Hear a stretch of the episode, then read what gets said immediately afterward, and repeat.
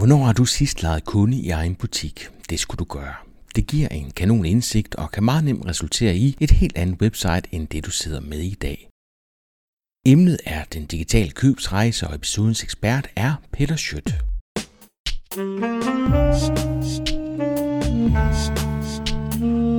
Velkommen til Potterkort, en podcast om markedsføring på internettet. Din vært er Ip Potter.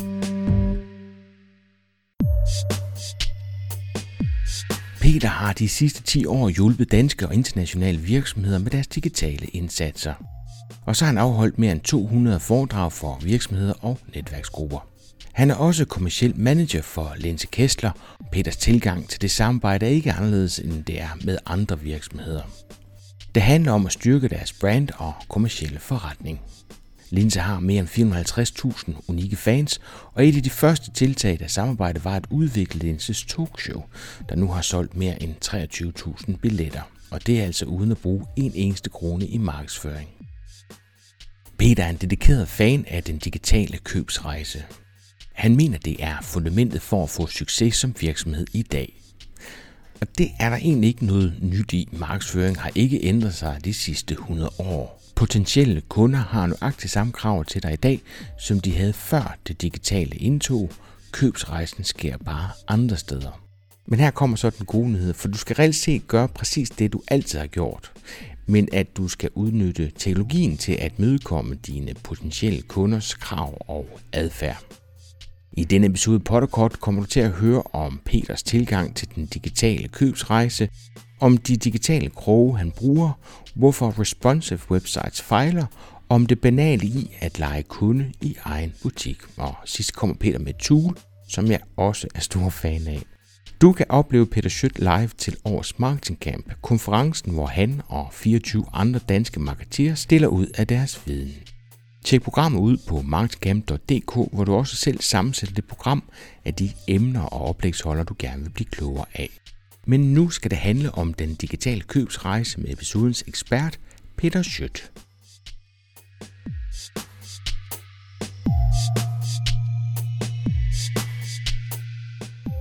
Mit navn er Peter Schødt, og jeg har de sidste 10 år hjulpet virksomheder med at få styr på den digitale købsrejse. Og hvad er den digitale købsrejse?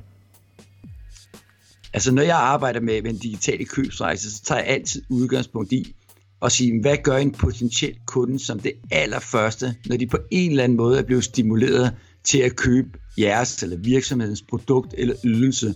Hvor starter de henne? Hvordan sikrer vi, at vi dukker op her? Hvilken rejse vi giver det sig ud på? Hvad er deres adfærd, og hvad er deres krav til, til virksomheder på den her rejse? Og så selvfølgelig, hvordan konverterer vi optimalt til et salg eller til en kontakt? Og ikke mindst, hvad gør vi med de 98%, som der lander på vores site, men ikke vælger at købe og kontakt. Så det her med at, at forstå den her rejse og få den mappe, det mener jeg, altså det har jo altid været fundamentet for at drive en virksomhed, også før der var digitale medier.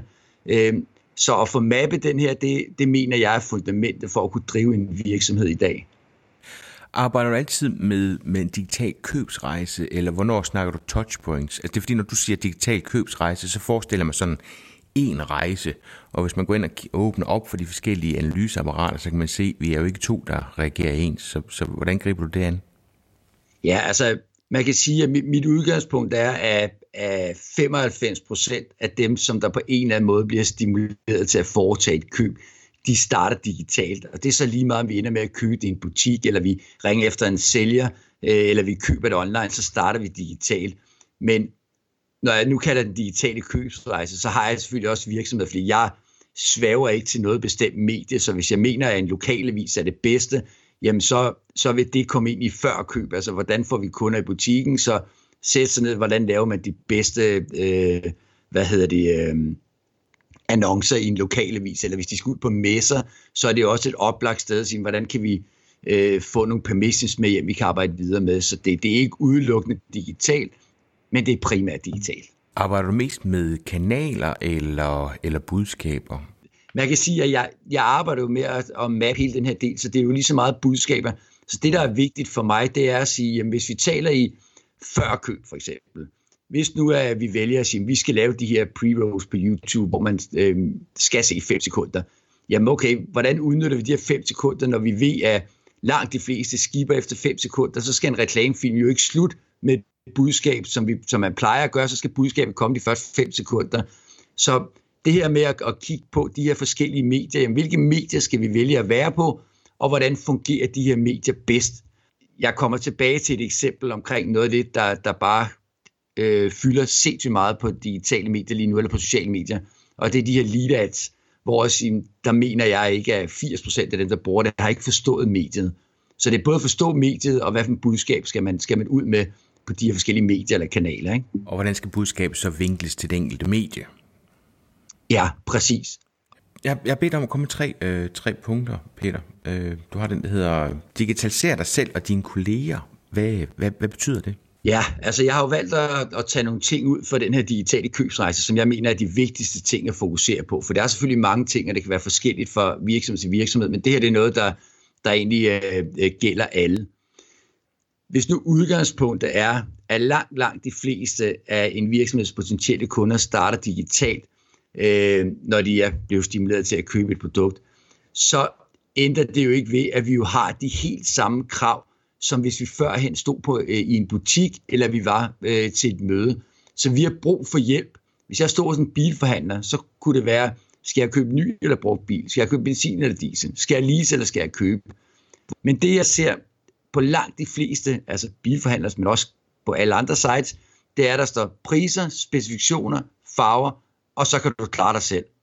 Mm. Og det siger, det vil jo svare lidt til, at jeg kommer ned og sådan en bilforhandler, der hænger et skilt i døren, der står, vi har desværre ikke nogen sælgere, men du er velkommen til at klare dig selv. Og det vil man jo aldrig nogensinde gøre. Der vil man jo tænke, det kan man sgu da ikke. Men det er det, de fleste gør, der hvor deres kunder de primært starter. Så mit udgangspunkt her, det er at sige, jamen, så skal du egentlig gøre det, som du altid har gjort på et møde eller i butikken. Du skal hjælpe brugerne med de spørgsmål, de har. Og det nemme er jo, kan man sige, egentlig at, at sige, så laver vi øh, 10-20 artikler, som der hjælper brugerne, og den måde, vi gør det på, det er, at vi samler vores medarbejdere, og så siger vi godt, hvad er det for nogle spørgsmål, kunderne ofte stiller, når de kommer ind i vores butik. Så svarer vi på det. Og så laver man en søgeårsanalyse, fordi at et af, hvad vi selv tror, de spørger om, så kan det være noget helt andet, og det er jo det, der er det gode ved digitalt, det er, at man, hvad hedder det, øh, at man jo helt præcis kan lave en analyse om, hvad de søger på i forhold til mit produkt. Og allerede her, så har man et sindssygt stærkt fundament til at lave 10 artikler, som der hjælper brugerne, øh, og både altså artikler og video.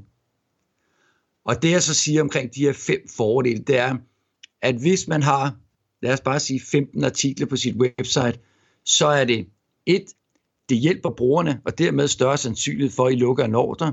To, det viser faglighed, ikke bare produkter, men det viser rent faktisk, at I ved, hvad I taler om. Tre, det giver jer de bedste muligheder for at dukke op der, hvor de fleste starter, når de er blevet stimuleret på Google eller på YouTube, hvor de jo stiller de her spørgsmål. Hvis man ikke svarer på dem, så dukker man ikke op. Og så kan det jo være indhold, der gør, at man siger, okay, det, de laver sgu noget godt indhold. Øh, jeg vil godt tilmelde mig deres nyhedsbrev, eller følge dem på sociale medier. Og til sidst, jamen, hvis du har de her artikler, så er det også noget fedt indhold, du kan bruge på sociale medier og til nyhedsbrev, som gør, at man, at, at man jo gider at blive ved med at følge dem. Så det her med at, at digitalisere sig selv og hjælpe kunderne på samme måde digitalt, som man altid har gjort i butikken eller på et møde, det mener jeg er fundamentet for at kunne drive en virksomhed i dag. Og når du nævner det som et punkt, er det så fordi du oplever, at det ikke er sådan, de forskellige tænker, så de har bare et website, for det skal man jo have? Altså jeg hører jo ofte mange sige, at ah, men website, er det ikke, er det ikke outdated, behøver man det mere? Og jeg har det sådan, så kan vi komme tilbage til det her med at kigge på sig selv. Jamen, i stort set alle tilfælde er sidste station, inden vi vælger at købe eller kontakt, det er jo website. Og jeg oplever, at langt, langt de fleste virksomheder i dag, når vi snakker digitalt, jamen de fortæller omkring deres produkter, men de hjælper mig ikke med at sige, hvilke kamera er bedst, hvilke tv skal jeg vælge, øh, hvordan maler jeg egentlig mine paneler, eller hvad det nu kan være. Der er bare fokus på at vise produkterne, lave nogle øh, korte produkttekster, og så kan du egentlig klare dig selv. Det oplever jeg for langt de fleste, og man kan sige, næsten det vigtigste, det er jo, at hvis de fleste starter på Google eller på YouTube, som er verdens største søgemedie, og de stiller de her spørgsmål, hvis du ikke svarer på dem, så kan Google jo ikke finde dig, og så dukker du ikke op, og dermed så skal man så ikke bekymre sig så meget om resten af den her rejse, fordi så bliver man ikke en del af den. Så det er både i forhold til at skabe noget værdifuldt indhold, men det er vel også en viden, du skal bruge til at bygge dit website op, sådan at du tænker på nogle, nogle forskellige trakter, de kan komme igennem ud fra, øh, hvad det er, de har, allerede har kendt, de har behov for, ikke?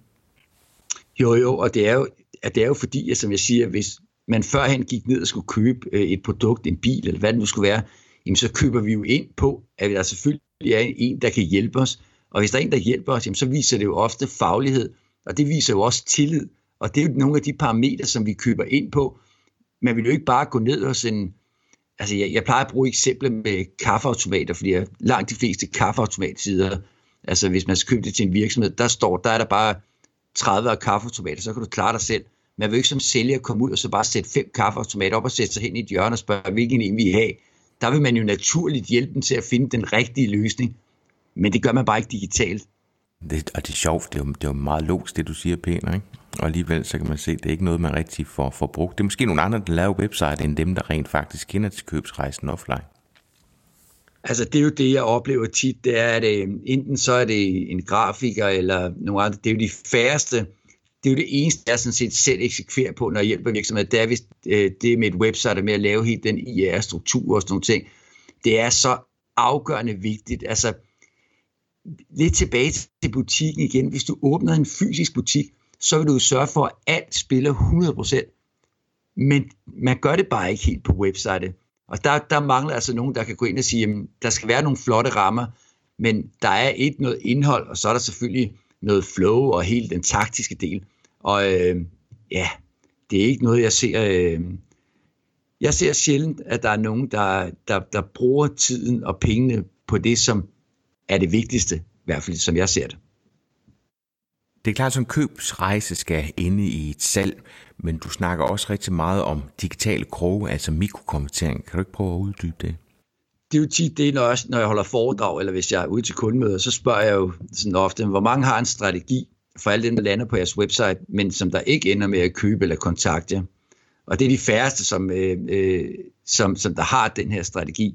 Så det jeg jo mener, det er, at dem, der lander på dit website, jamen hvis de ikke køber, jamen så er de, de har jo en eller anden præference for jer, og vi må tage udgangspunkt i, at de øh, egentlig har formentlig fået en god oplevelse, men af en eller anden årsag, så har de ikke kontaktet jer, fordi det var ikke lige nu, eller øh, de blev afbrudt af noget andet. Så det her med at sige, hvordan får vi sat en form for krog i dem? Og det jeg bare ser, og, og den krog, kan man sige, giver selvfølgelig mening, det er, at man enten får dem til at følge sig på sociale medier, eller man får dem til at tilmelde sig nyhedsbrev, fordi på den måde kan man ligesom opbygge sin, nu er det måske forkert at sige egne databaser, fordi man har ikke rigtig noget, når vi snakker sociale medier, men nu siger vi bare, at man har i hvert fald sine egne databaser, og herfra kan man så, hvis man er god, påvirke kunderne til at, at gå igennem den her købsrejse, i stedet for at man, man hele tiden skal ud og betale sig til at få trafik ind på sit site. Men det jeg ser på langt de fleste sites, det er, at man hvad hedder det, øh, man har nogle sociale ikoner oppe i toppen af siden, der er helt små, eller nede i bunden. Og det er jo ikke sådan, at man ser dem og tænker, det var satans, dem skal jeg altså bare følge. Nå, undskyld, jeg ved ikke, om jeg må bande. Sige, det var lige godt. Noget, hvad hedder det? Øh, Hvad det ved jeg ikke godt. Ja, det er jo ikke sådan, at man står op og siger, ej, er de på sociale medier? Dem skal jeg bare overfølge. Eller hvis der bare står til med et nyhedsbrev. Så det her med, et, at gøre det synligt. To, og så komme med et why. Jamen, hvorfor skal jeg følge jer? Hvad giver det af værdi for mig? Så det, det, er, det her er jo en simpel øvelse, også hvis man har læst en artikel. Hvis nu jeg smider en artikel op på LinkedIn, og der er nogen, der klikker så over og læser den artikel, så vil jeg jo godt i bunden af det her sige, synes du det her var fedt, så kan du enten læse flere artikler, eller så kan du følge mig på LinkedIn, eller tilmelde mig nyhedsbrev, jamen så får du meget mere af det, du lige har læst. Så det her med at gøre det synligt, få skabt et why, og bruge det alle de taktiske steder. Også hvis jeg har tilmeldt mig nyhedsbrev, så kommer der også den klassiske afmelding. Tak for din tilmelding. I stedet for et at sige, hey tak, var det fedt, vi glæder os til at sende dig en masse gode ting. Og derudover, hvis du vil have noget til hverdag, så kan du følge os på Facebook og på Instagram. Så brug alt, øh, altså hele sitet, gør det synligt, brug det i artikler, brug det i afmeldinger, skab det her why, hvorfor skal jeg følge, sørg for at få opbygget en stærk database af nogen, der er kvalificeret, som allerede har været på dit site. Det er den mest simple øvelse. Og jeg har jo, nu er jeg jo sådan en, der, altså jeg kan ikke se særlig meget, uden så skal jeg teste den her købsrejse. Det, øh, det, det får vi mange gode øh, snakker om mig og min kæreste herhjemme, for det fylder meget. Men når der for eksempel, jeg sidder og ser Løvens Hule, så hører man jo om, at der kommer helt vildt mange år på deres website bagefter. Og det er klart, at alle sammen køber jo ikke, fordi vi har lige set det. Men nu er jeg så testet, der er stort set ingen. Jo, de har sociale ikoner, og nogen har måske til med nyhedsbrev. Men jeg vil da have sindssygt meget fokus på at sige, okay, du kommer ind. Hvis du ikke synes, det er lige nu, så tilmeld dig her, eller følg os her, så har jeg dig nede i, eller så, så kan du få det og det. Og så kan man begynde at arbejde med de leads bagefter, ikke? Jeg har sådan en analogi, som jeg kalder for sildekrog. Når man fisker efter sild, så har man sådan en, øh, et blink ude for enden med en trækrog på. Så det, det, det kunne illustrere salget. Og så ud over det, så har man mellem 3, 5 eller 7 kroge opad, og det er sådan nogle, nogle små kroge. Øhm, så jo flere små kroge man har på sit website, jo større sandsynlighed for, at, at, øh, at der er nogen, der, der bider til. Ikke? Ja. Øh, og det er lidt det, du, øh, du snakker om. Jeg synes, øh, værdien af at få nogen til at følge en på sociale medier, den er blevet øh, meget, meget lille. Øh, selvfølgelig ja. kan man sige, at så er de tilkendegivet, at de synes, det her er interessant, så kan du betale for at nå ud til dem. Øh, men e-mailadressen må helt klart være den, der er allerbedst. Vi kan se det i hvert fald er den marketingkanal, der har den bedste konvertering. Altså, og, og det er jo igen, ligesom jeg kan høre det her med, at, at website er det ikke bare outdated, så hører man jo lidt det samme med nyhedsbrev hvor jeg siger, helt som du siger netop med, at, at ens reach som virksomhed på sociale medier er stort set ikke til stede. Øhm, og, og nyhedsbrev, jamen, hvad, hvad kan gennemsnit være? En åbningsret på hvad?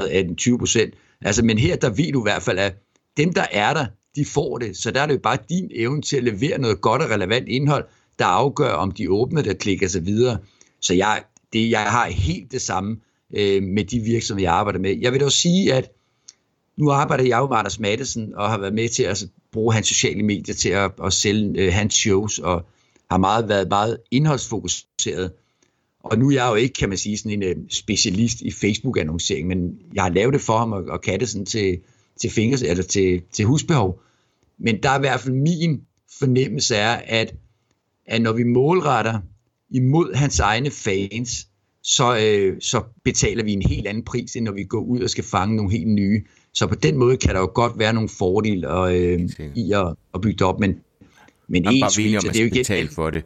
Og så har Anders også ja. det kørende for sig. Han har personlig brand, og dermed så har han nemmere ved at få en likability. Det er bank, som svært at få likability som virksomhed i dag.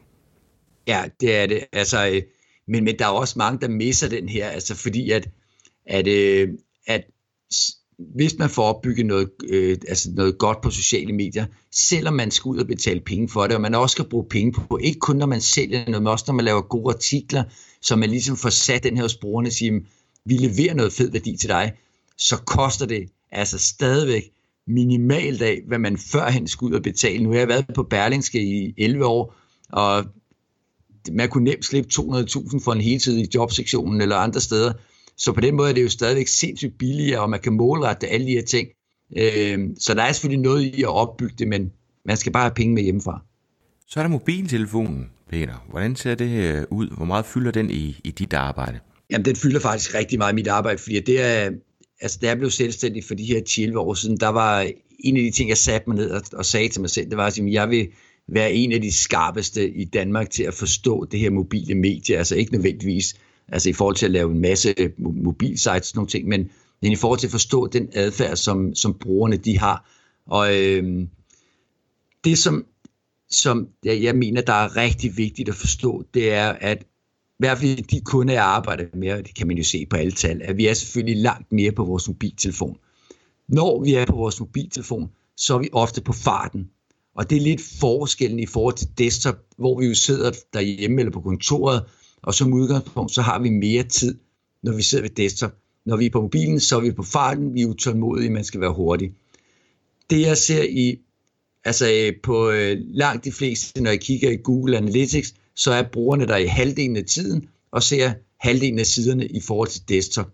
Og det stiller jo nogle krav til virksomheder at sige, okay, men når vi så laver websites, så laver vi de her klassiske responsive website, der tilpasser sig alle devices, men vi skal jo egentlig tænke i, at vi skal lave websites, der tilpasser sig adfærd på forskellige devices.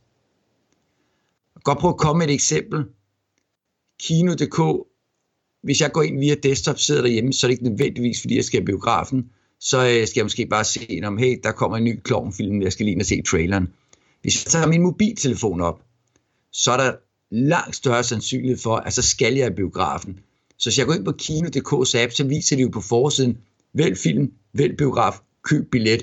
Sådan er det ikke på desktop, men det er det på mobilen, fordi de kender min adfærd. Så hvor der har været fokus på, at vi skulle lave responsive websites, fordi det var den nemme løsning for at være helt ærlig. Altså, at ja. den tog det samme indhold, og så så det også pænt ud fra mobil.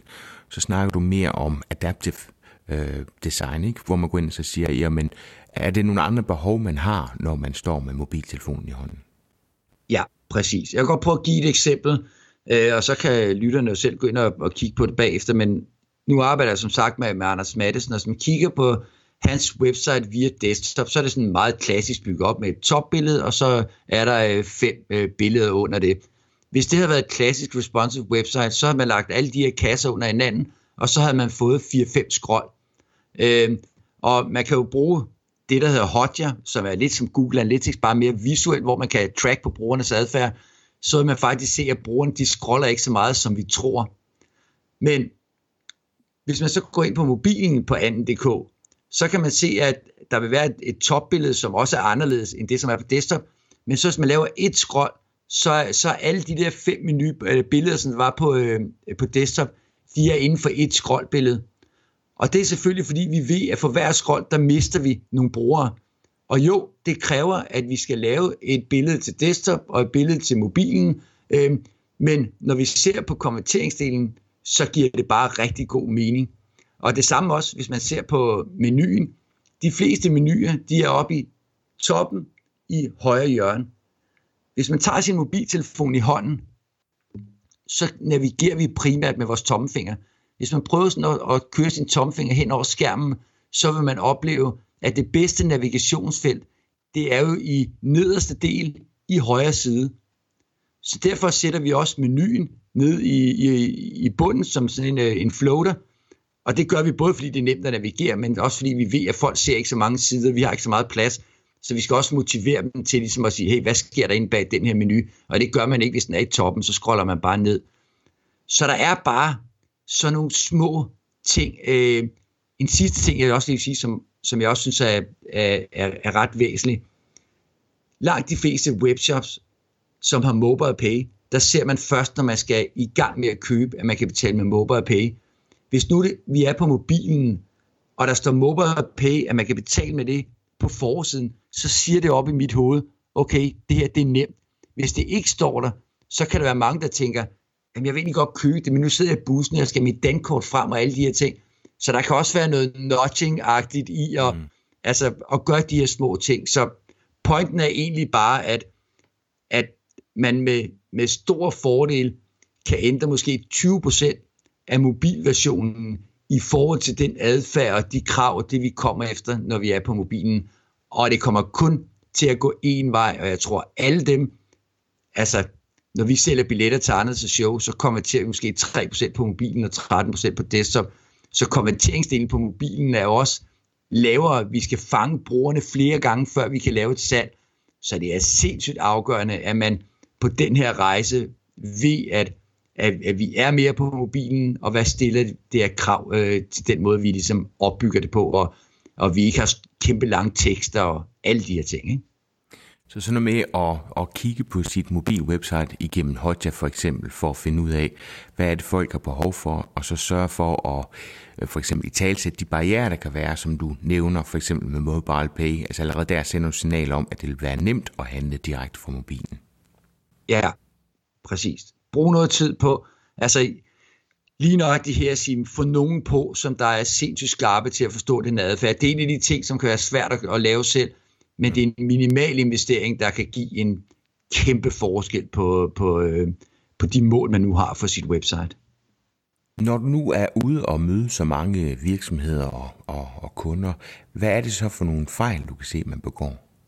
Jamen altså, jeg vil sige, den største fejl, som jeg ser mange de begår, det er, at de har altså den her silo-strategi. Og jeg forstår godt, at mange de har det, øh, fordi at man kan blive altså jo forblændet af, hvis man går, øh, hvis man nu skal ind øh, til marketingcamp, eller man ser en, en, øh, en, eller man hører en podcast, eller ser en artikel, eller en sælger har været forbi, og, og man hører noget omkring for eksempel Google Ads, og tænker, ej, det er da sindssygt vigtigt, og så investerer man en masse penge i det, men man har så ikke styr på de ting, vi lige har talt om nu, og sige, jamen, hvad så hvis vi dukker op, når de så kommer over på vores website, hjælper vi dem så? Er vi klar på mobilen? Har vi sat den her digitale krog? Så der er, jeg, det, jeg ser det også med de her lead ads nu, at folk, de er af en eller anden årsag, så tror jeg, at alle bureauer er ude og sælge lead ads nu. Og 20% af dem er fine nok, det er tilmeldt, altså, jeg ved ikke, om jeg lige skal forklare, hvad en lead ad det er. Og det kan du ikke øh, Ja, det er, altså du kører på Facebook, så kan du se en konkurrence, så kan man tilmelde sig, og man ryger ikke over på noget website, man bliver ligesom inde i Facebook, og så har den din data, så skal du bare trykke tilmeld, og så er du tilmeldt nyhedsbrev. Så det fungerer jo super godt til konkurrencer, eller hvis man vil give en white paper ud. Men nu ser jeg, 70% af dem, jeg ser, det kan være, vi går tilbage til kaffeautomaterne igen, øh, så kommer der et, et, et, øh, et en lille så står der, spar 30% på din kaffeautomat. Så klikker man, men så skal man tilmelde sig, og, og, og sige ja til, at en sælger må kontakte mig, og sige, nej, hey, jeg er hmm. passivt stimuleret, jeg vil godt lige overlæse mere omkring det, men det kan du ikke. Du skal sige ja til en sælger med kontakter. Du må ikke selv gå og se noget. Og det vælter frem, og det er et eller andet igen, det her med, at man bliver begejstret og tænker, at det kan vi bruge til alt muligt. Så det her med at sige, det er fint at blive begejstret, men du skal væk fra at arbejde i siloer. Du er nødt til at sige, hvordan binder vi hele den her rejse sammen? Øh, fordi at hvis du arbejder i siloer, så taber du kunderne et eller andet sted.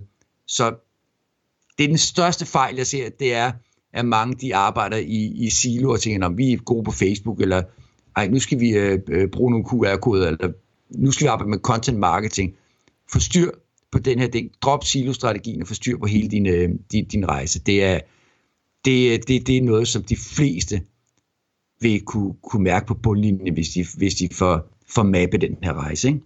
Så det er synergierne af alle de her ting imellem, man skal tænke mere i, og jeg tror også, det er den vej, vi er på vej hen. Øh, Facebook-platformen bliver mindre og mindre øh, teknisk. Facebook går selv ind og hjælper rigtig meget med at, at finde den kvalificerede målgruppe, samt gør LinkedIn og Google Ads også nu ved at eliminere nogle af de nørdede ting, sådan det kommer til at handle mere om at kunne kommunikere noget lukrativt til målgruppen, og når de så reagerer på det, så bliver du honoreret ved, at platformen gør det billigere og mere effektivt. Ja, præcis. Altså, og, og så kan man sige, at hvis man egentlig vælger det, fordi det er så nummer to, jeg ser med alle de her leaders, specielt hvis man, nu har jeg prøvet at tilmelde mig rigtig mange, og det der sker, det er, at jeg bagefter får en mail, hvor der enten står, du er nu tilmeldt, eller du deltager nu i konkurrencen, eller her, der er din white paper. Og der skal man jo tænke på, at jeg har jo skulle tilmelde mig et nyhedsbrev for at deltage i den her konkurrence, eller få den her white paper. Jeg kender ikke virksomheden. Der er ingen, jeg har ikke oplevet det endnu, hvor jeg får en mail, hvor der står, hej Peter, nu er du med i konkurrencen, eller her der er din white paper. Du er nu tilmeldt vores nyhedsbrev. Det du kan forvente at få og kan glæde dig til, det er sådan og sådan og sådan. Så det, det, det gør man ikke engang, og det gør jo bare, at jeg afmelder mig med det samme, fordi hey, jeg skulle bare have den her white paper, eller deltage i den her konkurrence. Så igen at forstå, hvis du bruger det her, så sørg nu for at få mappet de her ting, så du får mest muligt ud af det. Så væk fra siloerne og, og styr på, på hele det flow, der er, som brugerne går igennem. Så er en af de ting, du også snakker om, det der med at lege kunde i egen butik. Hvordan gør man det? Jamen, det kan man gøre på, på flere måder. Øh, jeg, jeg har sådan her, at øh, nu når jeg arbejder med Anders Madsen, har været meget med ham ude, og kan se, når folk de, øh, sidder og griner, så gør de det, fordi de kan relatere sig til det, han siger i deres egen hverdag. Så på den måde kan man godt sige, selvom man, man aldrig må sige, at du var aldrig til udgangspunkt i dig selv, så er langt de fleste som dig selv i mange tilfælde. Så det her med at lege kunden i egen butik, det kan jo blandt andet være at sige, hvis nu vi ved, fordi at, at jeg også selv starter mest i Google, jamen hvad er det så for nogle spørgsmål, folk de vil stille, hvis de skulle købe vores produkt? Prøv at gå ind og google dem, og så se, om I dukker op. Hvis I ikke dukker op, så er det det, I skal arbejde på, og så kan I kigge på, hvad med dem, der dukker op? Hvorfor dukker de egentlig op? Så det kan være en måde, hvor man kan prøve at, at, at lege kunden i egen butik. Og så er der den anden del, som jeg også som jeg ser rigtig meget, fordi jeg tester de her købsrejser. Når man sætter nogle kampagner i gang, så prøv at se, jamen, hvis du selv skulle agere på den her kampagne, og du ved, at de fleste vil være på mobilen, giver det så mening i forhold til, vil du selv købe det her produkt, eller hvad man nu godt vil have folk til? Jeg tror, altså min, min fornemmelse er, at mange ikke gør det. Jeg tror, hvis man gjorde det på alle sine kampagner, eller i hvert fald i en periode, så vil man opleve nogle ting, så siger okay, vi skal lige rette det, og vi, det, det der, det giver da ikke mening. Og jeg ser det jo, altså jeg har, har jo lavet en del opslag på LinkedIn i forhold til, at der er sindssygt mange, som der smider pdf'er på LinkedIn. Øh, når de skal søge en medarbejder, så smider de en pdf op, PDF op med en jobannonce. Så siger okay, 50-60% af den der på LinkedIn er via mobilen. Prøv nu, når du smider den op, og så gå ind og kig på det her opslag. Vil du selv sidde og skulle zoome helt vildt mange gange, for at kunne læse den her tekst? Ej, det vil jeg ikke. Det gider jeg ikke bruge tid på. Men så vil de andre nok heller ikke. Så det her med at teste, øh, hvad ens egen kunder vil gøre for, på forskellige medier, og, øh, og hvad de så gør, hvis de bliver stimuleret og går ud på en rejse, der vil man selv kunne fange mange ting, der ikke giver mening. Øh, men det kræver, at man investerer tiden i at, at gøre det. Eller lige få en kollega til at tjekke det igennem, man har ja. lavet. Altså nogle gange så går man selv yes. hen og bliver sådan en lille smule blind, fordi man ved godt, hvad det er, man har tænkt, og hvorfor fint ja. fatter folk ikke det, hvor en kollega vil kunne nævne nogle ting, øh, og så det der med open mind, når der så kommer nogle input, at ja. man ikke går i, i forsvarsmode, men det kan være en rigtig nøje, øh, en god øjenåbner.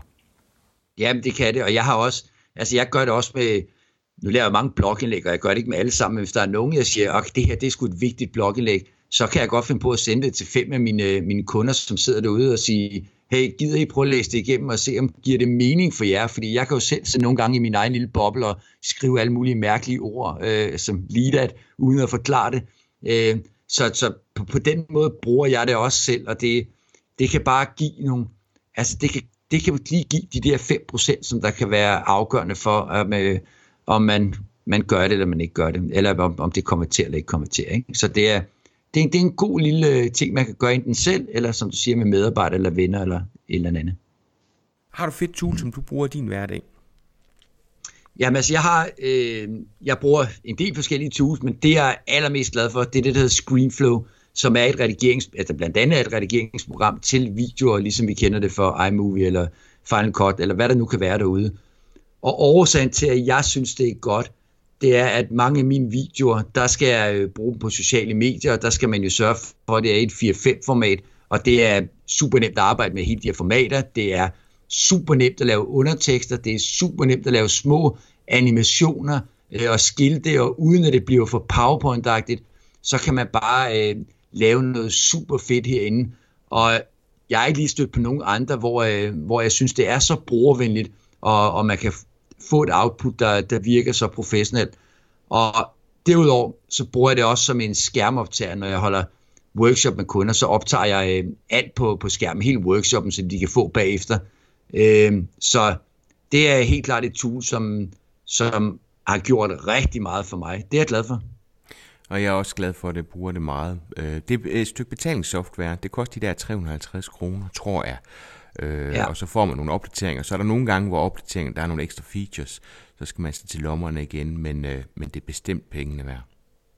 Altså jeg vil sige, at, at øh, hvis man skal bruge det udelukkende til at redigere videoer øh, og lave skærmoptagelser, så, så behøver man ikke at lave alle mulige tilkøb, hvis det er sådan til dagligdagsniveau. Øh, men selvfølgelig, man bliver også lidt fanget af det, når man er i det, så vil man godt mere og mere. Ikke? Men, øh, men, men det, det er super fedt. for at klippe noget, ja. Ja, præcis. Peter, hvis man vil øh, følge dig eller i kontakt med dig, hvor, øh, hvordan finder man dig? Ja, altså det der, hvor jeg eller det eneste sted, jeg er aktiv på sociale medier, det er på LinkedIn. Der er jeg til gengæld også øh, rigtig meget aktiv, og øh, der skal man bare gå og søge efter Peter Schødt. Øh, S-C-H-J-Ø-D-T, men det kan man også se et eller andet sted, hvor man, man lytter til podcasten.